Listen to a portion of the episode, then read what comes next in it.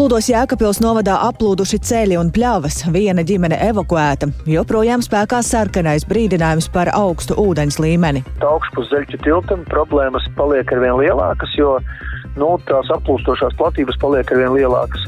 Kruspils pagastam un salas pagastam kopumā gan ceļos, gan dažādos inženieru būvēs un visā pārējā būs diezgan zaudējumi. Piedņestra lūdz Krievijai palīdzību. Maskava iespējams šodien sniegs savu atbildi. Un pēc ilgušās jaunā Rīgas teātra pārbūves un remonta šodien notikusi jauno telpu atklāšana. Arī par to jau to daļu raidījumā pusdiena.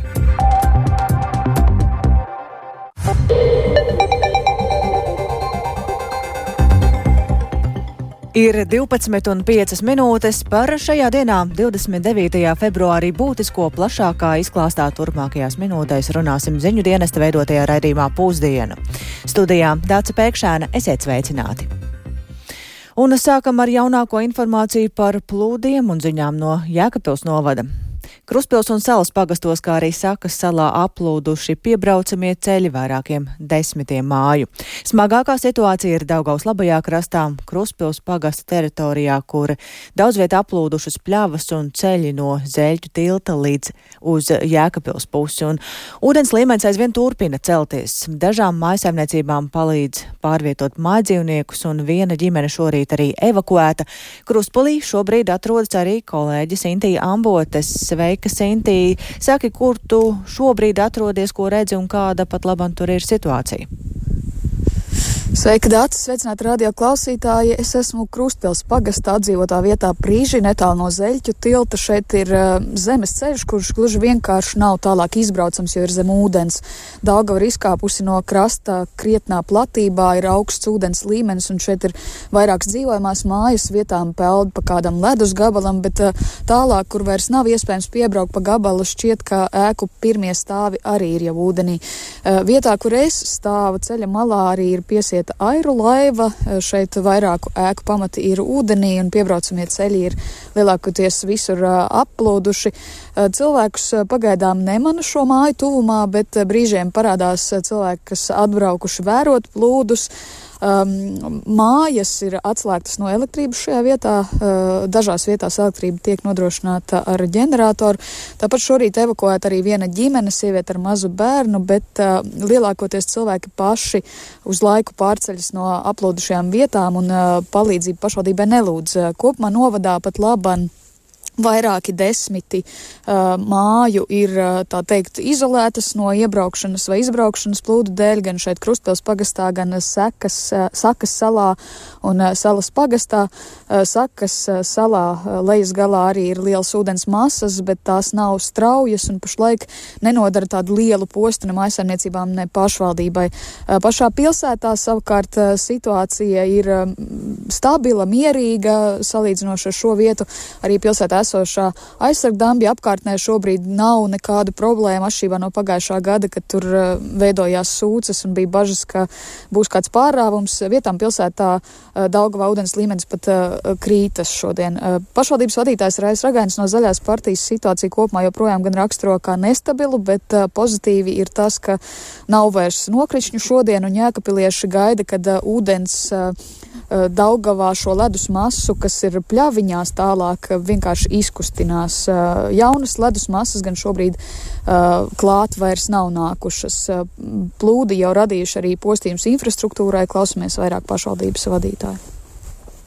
Lejpus pilsētas, bet augšpus zeļķu tiltam problēmas paliek arvien lielākas, jo nu, tās aplūstošās platības paliek arvien lielākas. Un jāsaka, ka ceļš, kas ir Jēkabils sala Jaunjēlgava elektrības stabam vienam jau ir tāds izskalojums, ka varētu būt, ka drīzumā vajadzētu atslēgt arī šo elektrību, un tas stabs varētu iegāzties ūdenī.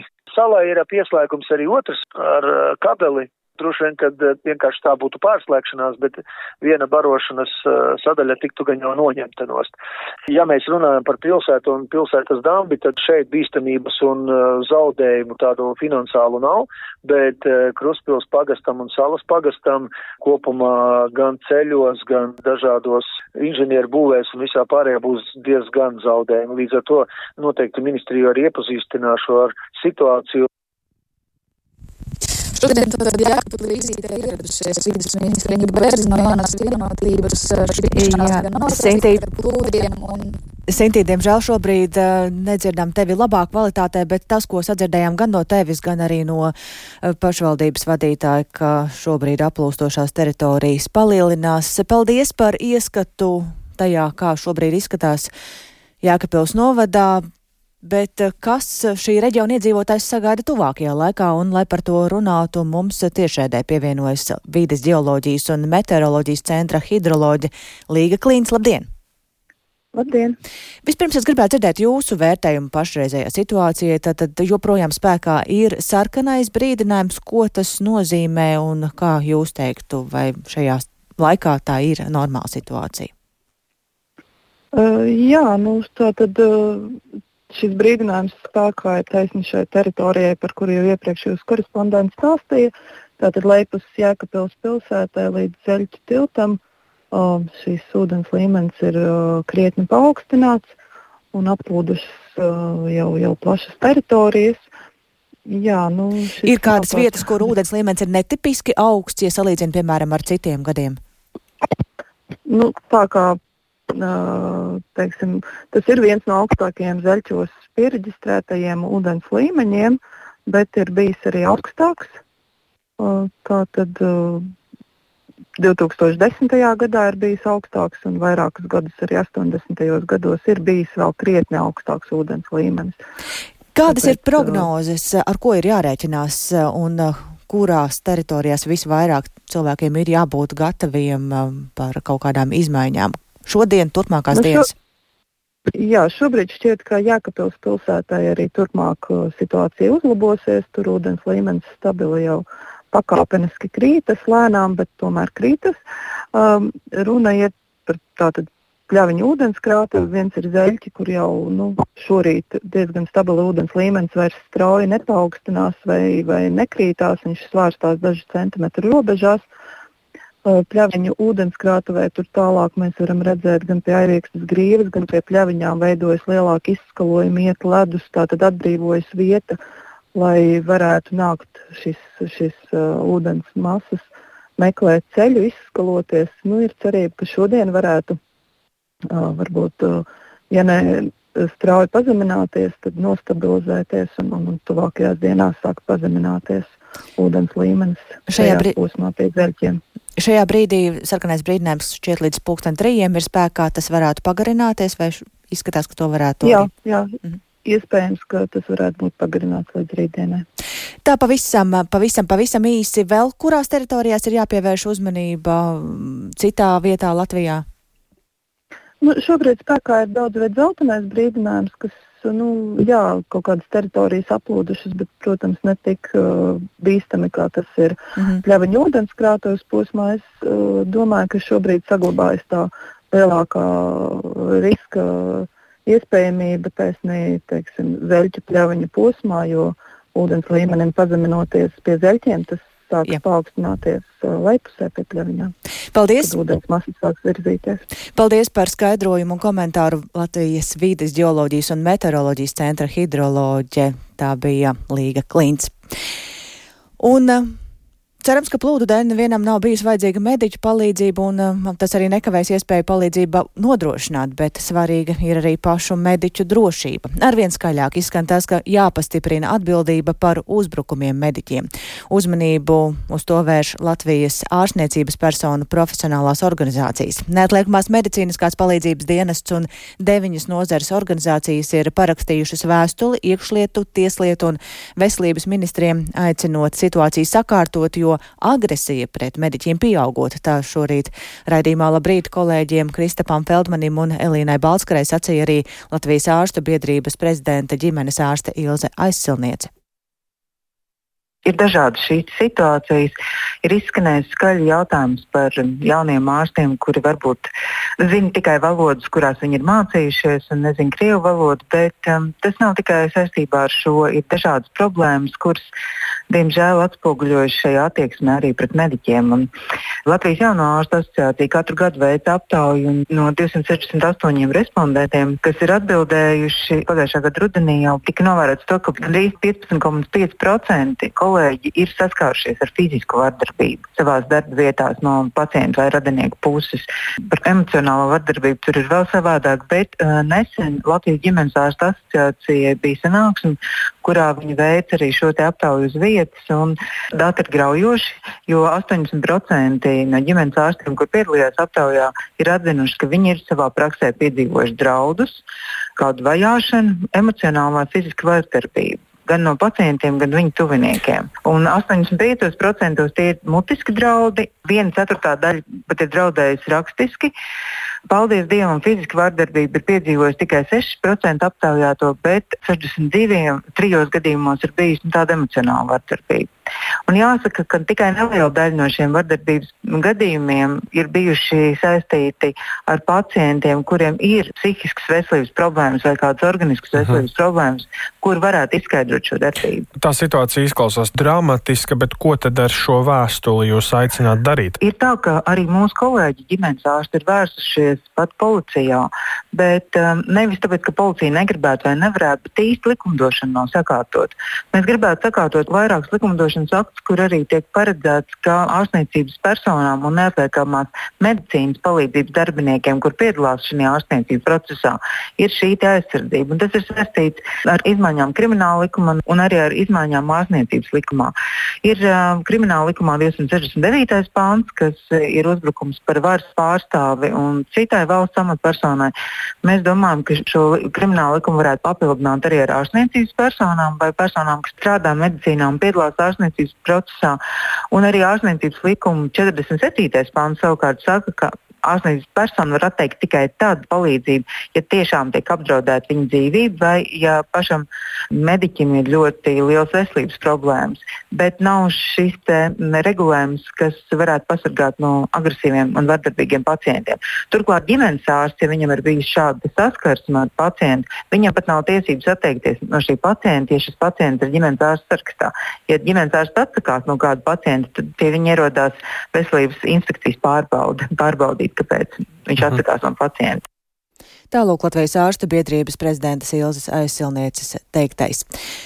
Bet pēc tam, kad Moldovas separātiskā Piedņestras reģiona likumdevēja vakar lūdza palīdzību Krievijai, ir izskanējuši dažādi minējumi, kāda varētu būt Maskavas atbilde. Viens no visbiežāk uzdotajiem jautājumiem ir, vai Krievija varētu mēģināt uzsākt jaunu karu Moldovā. Iespējams, ka atbild uz šo jautājumu sniegs Krievijas prezidents Vladimirs Putins, kurš pat labam sāk ikgadējo runu valsts parlamentā, federālajā sapulcē un Piedņestras jautājumā vairāk ir iedziļinājies kolēģis Uldis Česberis. Šobrīd viņš līdzās studijā.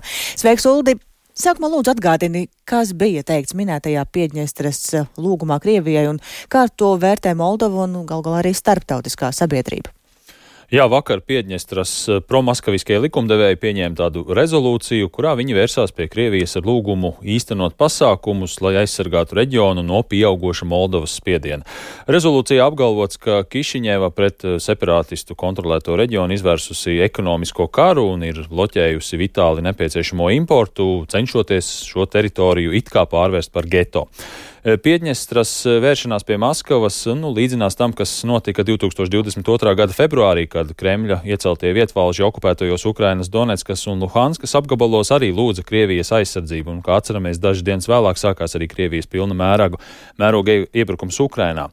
Un eh, Moldovas valdība šo Piedņestras separātistu soli ir uztvērusi mierīgi, norādot, ka tas ir tikai kārtējais Krievijas mēģinājums destabilizēt situāciju valstī un traucēt Moldovas centieniem integrēties Eiropas Savienībā.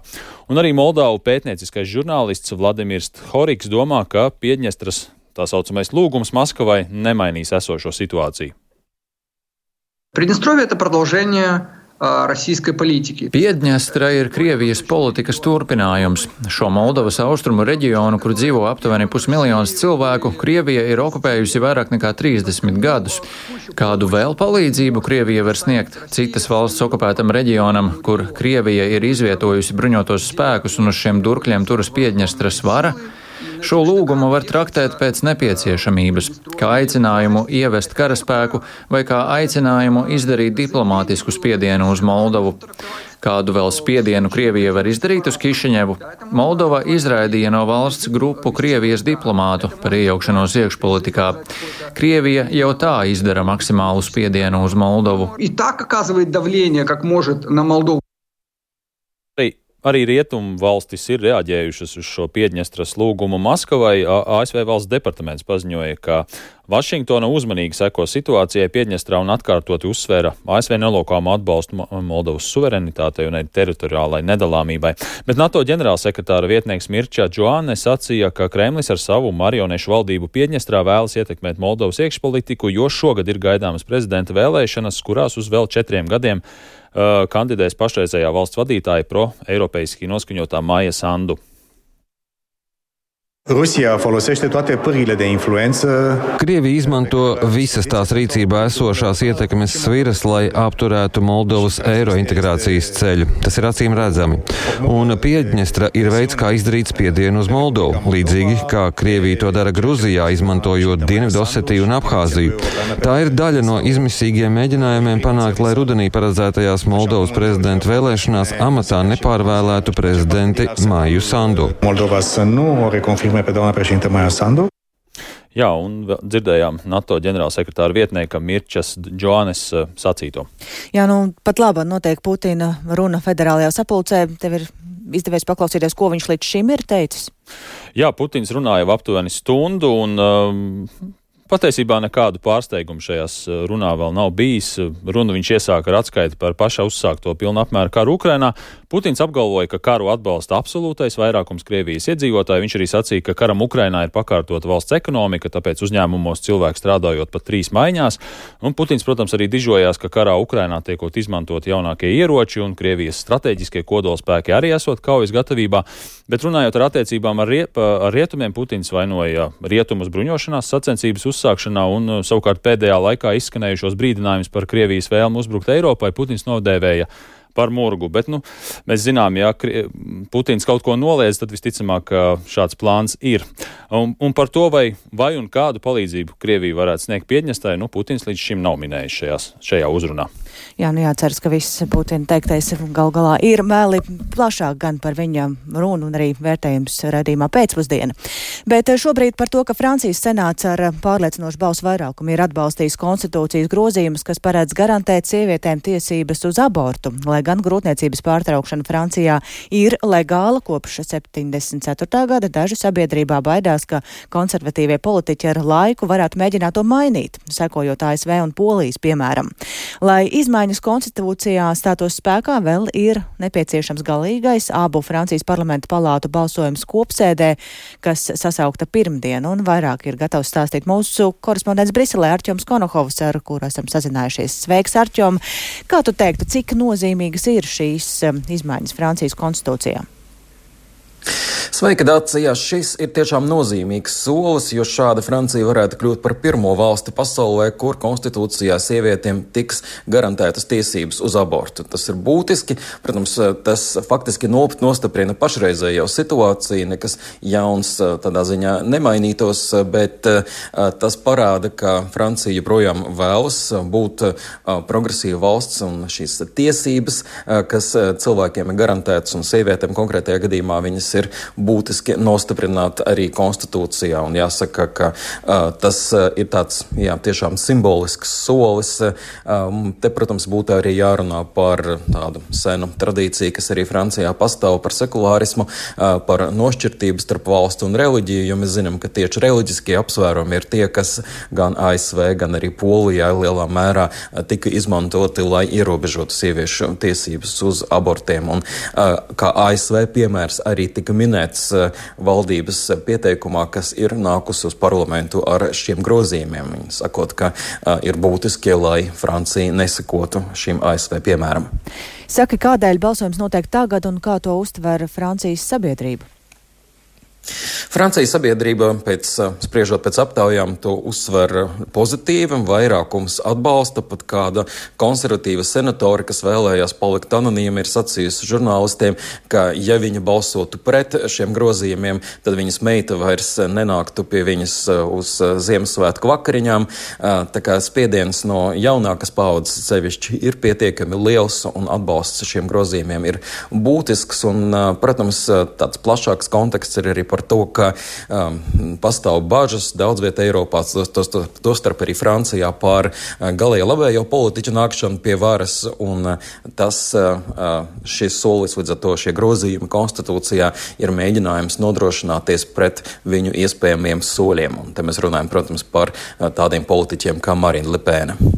Paldies Arčomam Konohovam, un tagad mēs atgriežamies pašmājās, jo ir sen gaidīta diena šodien jauniem Rīgas teātrim. Šodien beidzot oficiāli ir atklāts jaunais ēku kompleks renovētajā un pārbūvētajā teātra mājvietā Lačplēša ielā 25, un tas nozīmē, ka martā teātris pametīs pagaidu mājvietu pielāgotajās telpās tabaks fabrikā Mierielā.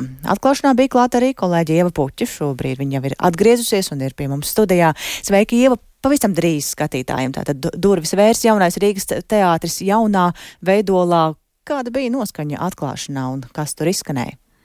Jā, labdien! Eh, saksofona skaņas, šampanietis un runas, runas, eh, kas ievērojami pārsniedza jaunā Rīgas teātra vadītāja Alvi Hermaņa izteikto lūgumu iekļauties pusstundā, eh, jo nedaudzajiem klātesošiem aktieriem un viņam pašam jādodas uz mēģinājumu vēl vecajās telpās, tabaks fabrikā. Atklāšanas dalībnieks pirmā uzrunāja kultūras ministre Agnese Logina no progresīvajiem. Viņa svētku sajūtu papildināja ar paziņojumu, ka šī nebūtu nav vienīgā kultūras iestādes atklāšana pēc remonta vai pārbūves uzbūves, kas gaidām šogad.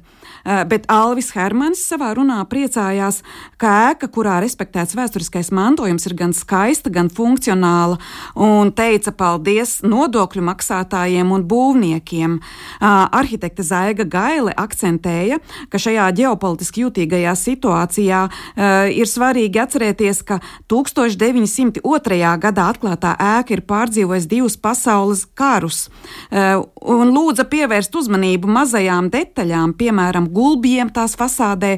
Tie ir otā arī Latvijas Nacionālās operas un Rīgas Latviešu biedrības ēkas un ir dailes un ilgošanās simbols.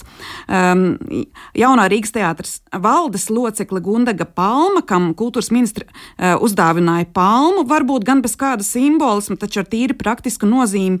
Um, man pastāstīja par tehniskajām de detaļām, um, respektīvi, vai kādu brīdi teātris strādās abās ēkās vienlaicīgi, es viņai jautāju. Un klausieties viņas atbildi.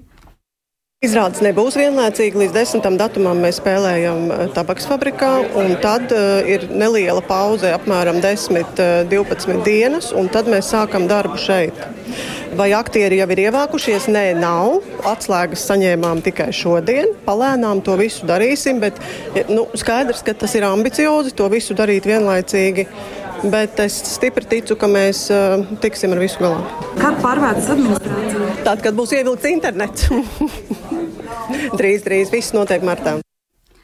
Savukārt valsts nekustamo īpašumu valdes priekšsēdētājiem Renāram Griškavicam es lūdzu precizēt bilanci skaitļu izteiksmē, un lūk, ko viņš pastāstīja. Tad kopējā platība, ko mēs esam realizējuši šajā projektā, ir 9500 km2. Tas ir divreiz vairāk eh, būvapjoma nekā bija iepriekšējais teātris. Un naudiskā eh, ziņā tie ir 37 miljoni eiro bez PVN. Bet šī summa ietver sevī arī piecu gadu apsaimniekošanu inženieru komunikācijām un, un tehnoloģijām. Šogad, ja var tā teikt, ir ražas laiks, jo tie projekti, kas tika uzsākti trīs gadus atpakaļ, tiks pabeigti un nodoti lietotājiem. Tie ir vairāki projekti. Tā ir tabakas fabrika, tas ir Riga Makerspace projekts, tā ir operas dekorācija darbnīcas izbūve, tas ir Valmieras drāmas teātris, rakstniecības un mūzikas muzejs arī tiks pabeigts šī gada pirmajā pusē.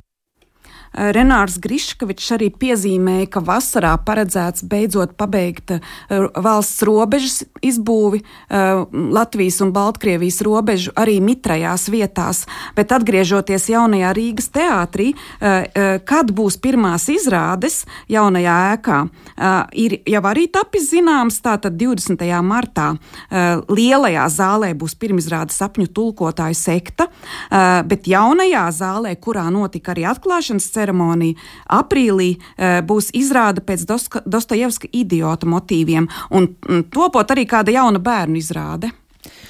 Lieliski paldies Ievai Puķei. Tas tātad par atklāto, atjaunoto jauno Rīgas teātra ēku kompleksu jau pavisam drīz martā. Beidzot arī skatītāji to varēs ieraudzīt. Tātad svētku diena šodien teātrim, bet um, ar to tad arī izskan raidījums pusdiena. To producēja Lauris Zvēnieks, ierakstus montēja Oldis Grīnbergs par labskaņu rūpējās Mārtiņš Paeglis un ar jums sarunājās Dāca Pēkšēna. Atgādināšu to, ka redzējumu pusdienu var meklēt arī Latvijas radio mobilajā lietotnē. Tur mūs var klausīties gan tiešraidē, gan arī vēlāk ierakstā sev ērtā laikā, un tāpat arī Latvijas radio ziņām var sekot līdzi sabiedrisko mediju ziņu portālā LSMLV un arī Latvijas radio sociālo tīklu kontos. Bet ēterā mēs tiekamies atkal rīt. Paldies par klausīšanos!